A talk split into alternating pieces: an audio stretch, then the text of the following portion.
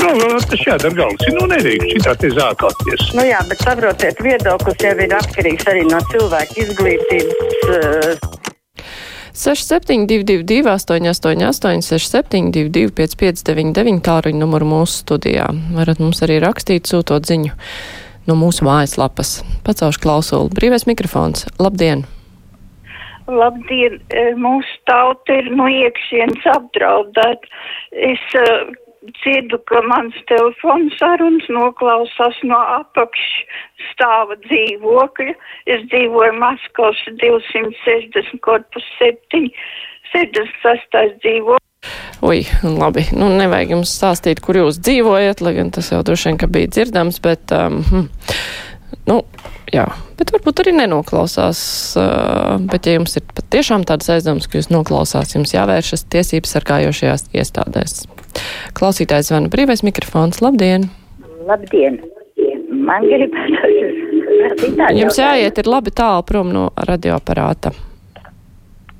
Tagad... Šodien um, tika uzaicināts dot ziedojumus hospisam, bet neviens nepaskaidro, kas tas hospis ir.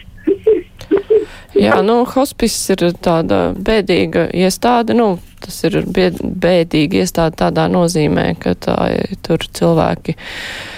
Um, tur cilvēki, tas ir tā kā hospitāls, bet, nu, kur nomirst. Droši vien, kur cilvēkiem nav cerības vairs uz īsti izveseļošanos. Klausītājs zvana brīvais mikrofons. Labdien! Labdien! Labdien! Klausiet. Man ir viens jautājums. Vakar pateicu, par to karogu noraušanu Daugavpilī, ja? ka policija to izmeklē kā šī huligānismu vai zādzību. Te, kur mēs dzīvojam, jau pie Puķina padomu savienībā vai vēl brīvā Latvijā esam? Nu, brīvā Latvijā mēs esam, par to es esmu droša, bet uh, tas, ka šī lieta tiek izmeklēta kā karoga zādzība, nu, tas, protams, liek uzdot daudz jautājumus par policijas darbu, jo, nu, te ir skaidrs, ka tas nav ar to saistīts, ka te ir naids pret Ukraiņiem, un tāpēc tas būtu pilnīgi citādāk jāizmeklē. Klausītājs zvana brīvais mikrofons. Labdien!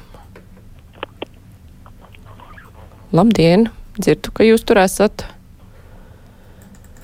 bet nezinu, kāpēc neviens nerunā. Tā, tā šodien klausītāja Kāja raksta, ka šodien jānoliec galvas par deportētajiem, kad trojkas, kas sastāvēja no Latvijas pagastu stukačiem, izpostīja tūkstošiem un tūkstošiem ģimeņu. Tur ir milzīga saite, kas būtu jāpaskatās. Paldies, Kāja, un paldies par atgādinājumu, jo tas ir tas, par ko šodien patiešām ir jādomā. Klausītājs zvana, labdien!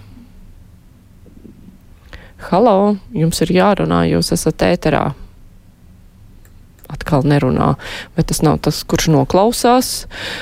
Viesturs raksta, ka tai kundzei, ko noklausās, ka pusēji veco cilvēku liekas, ka viņus noklausās interesanti, kādu slepenu informāciju zina mūsu seniori. Es nezinu, viestur, kas tā jums par statistiku, bet, nu jā, nu varbūt kundze dzird savā telefonā kādus krakšķus, brakšķus, un tad šķiet, ka noklausās. Labi, klausītājs zvana, brīvais mikrofons, labdien. Es esmu jau ēterā, starp citu. Esat gan. Tā, un tā tad es jums gribēju uh, divus teikumus nolasīt no Andra Buļķa un Līs Gjostu Guļevskas grāmatas, vai tas esi tu vai kāds cits. Un tas ir 322. lapus, un runa ir par tūlīt melošu.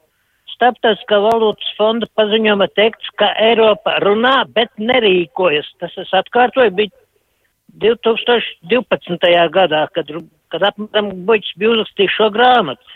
Man ir tāda aizdoma, ka šodienas Eiropa ar Šolcu un citiem tur pa to starp arī runā. Bet rīkošanās ir, nu, es nezinu, kurā mīkstā siltā vietā. Jo, nu, tagad saka bieži, mēs domāsim, bet neviens nesaka, cik ilgi tā domāšana notiks un kad sāksies rīcība. Paldies! Paldies! Klausītājs Oskars uzskata, ka šajās dienās brīvajā mikrofonā labi var just pilnmēnesis iestāšanos, bet viņa raksta, ka radio laikam ir vakarējie, jo cilvēki ar Ukrainas karogu pārtaugavā piekauja, policists pēc tam slēpj un uzstājas, ka tas nav rasu naids, bet huligānisms. Tāpat Daugopilī un radio uzskata, ka tur spēs izmeklēt acīm neredzamo. Hm.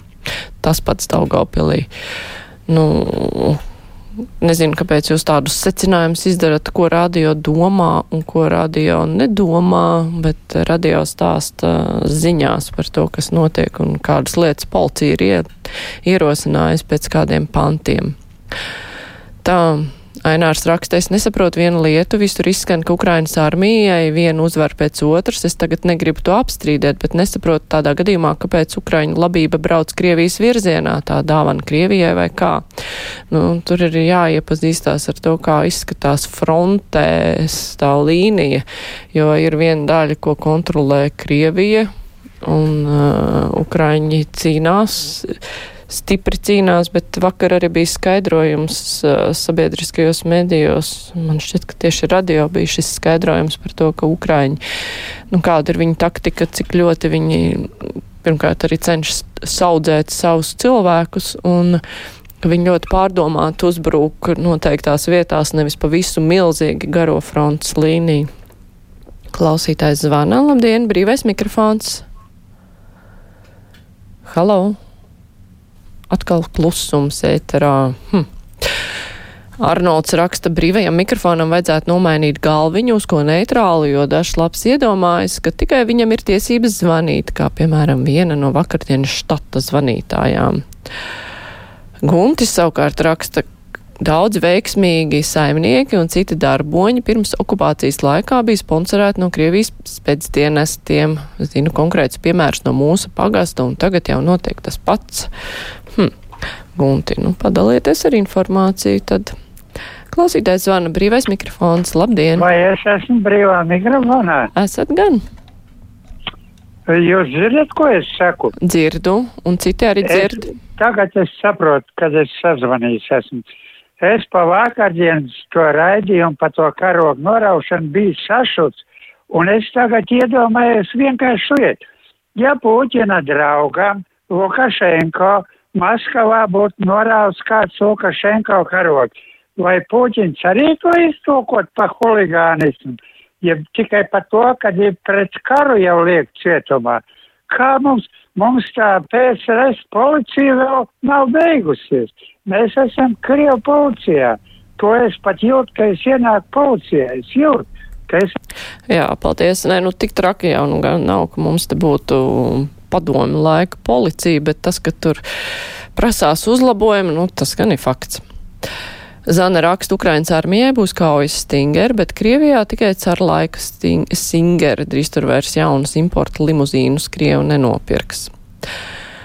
Vilis savukārt eh, raksta, ka viņa bažīgi dara mūsu valdības spēju risināt krīzes. Premjers visu aicina caur rezolūcijām, ministrijas izstrādā un nekas nav labi. Vajadzētu premjeram un visai valdībai profesionālus krīzes treniņus. Rudenī būs covid, būs enerģijas un inflācijas krīzes. Jāgatavojas laicīgi un lēmumiem jābūt. Pilnībā piekrītu. Jāgatavojas laicīgi un lēmumiem jābūt.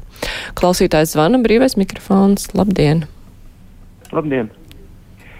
Man tā dominās prātā, vai tad, ja amerikāņi, ja tur būtu nopietnas prezidents, nevarēja nopirkt tos graudus, kas ir Ukrainā, un tad veidot konvoju un viņus vest ārā?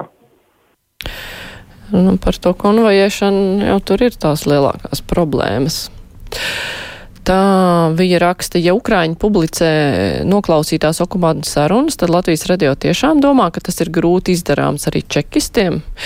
Viņa, protams, klausītāji, viņa to rakstīja. Mm, protams, ka to nav grūti izdarīt. Jautājums ir, kam tas ir vajadzīgs?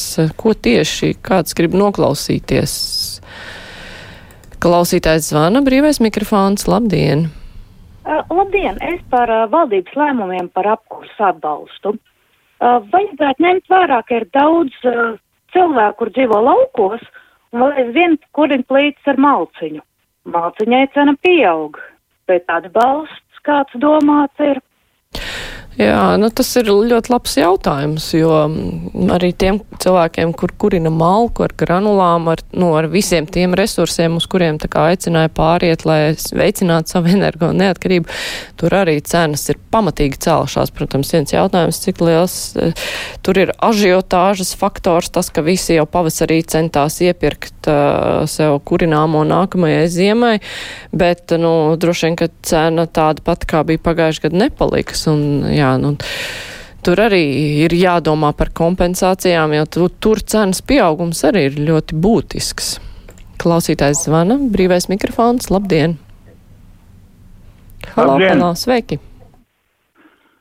Es par to pārdaugaus pieminieku. To nevajadzētu nojaukt. Pirmais, ko varē, vajadzēja izdarīt, no, novākt tās figūras un viņu pārsaukt par Maripolsu vai Ukraiņu varoņu pieminekli. Kā jūs skatāties uz to? Jā, nu, es taisnību sakot nezinu, vai tas iedzīvotos un jā, cik vienkārši to būtu izdarīt. Protams, nu, var jau mēģināt visādi, bet par ko tas izvērstos, tagad ir grūti pateikt. Klausītājs zvana brīvais mikrofons. Labdien! Labdien! Vai Ukraina, kas ir aiz Krievijas otra lielākā valsts Eiropā, lopobiem augsnes un klimata apstākļiem nespēja novēršanāt savus iedzīvotājus ar elementāriem izsakas līdzekļiem, jo kara darbība norisinās tikai apmēram trešdaļā valsts teritorijas, un Eiropas Savienības nabaga valdībām jāuztur tūkstošiem jau pat atbrauc piekritāji Ukrainai, iedzīvotāji tiek vai. Jā, nu, kaut kas tur negāja. Klausītājs Romāns aicina mūs sagatavot raidījumu, kas notiek ar granulu cenām un studijā uzaicināt ražotāju pārstāvis. Paldies! Viņš piebilst, ka pretējā gadījumā granulas maksās dārgāk nekā degviela vai gāze.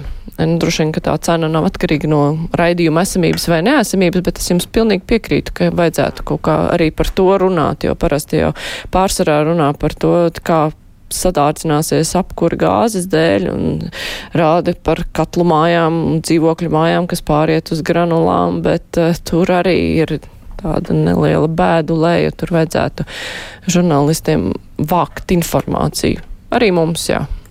Klausītājs zvana brīvais mikrofons. Jā, halo. Labdien! E, es domāju, tā tagad uh, stācijas rajonā Rīgā, jā, un centrāla tirgus apkārtē visur notiek mums zināmie remonti. Un tādēļ iecienīto nakts tirgu, nu, vai, vai otru tādu, vajadzētu izveidot vidzemes tirgu. Mhm. Laba doma, tikai tie, kuri dzīvo pārdaugavā, par to droši vien, ka nepriecātos. Viņiem būtu divreiz tālāk jābrauc. Tāpēc jau centrāla tirgus ir tā centrā no visiem pa vidu, bet kā tur ar piebraukšanu, jā, tas ir labs jautājums. Un raksta, nu ar to apkuri mums būs kā, kā Zviedrijā, bez tās Krievijas gāzes. Tāds secinājums. Bet nu brīvais mikrofons ar to izskan. Paldies klausītājiem, kuri zvanīja, paldies, kuri rakstīja. Tagad būs ziņas, un pēc tam mēs runāsim par sabiedrisko mediju no saturu nodošanu komercmedijiem.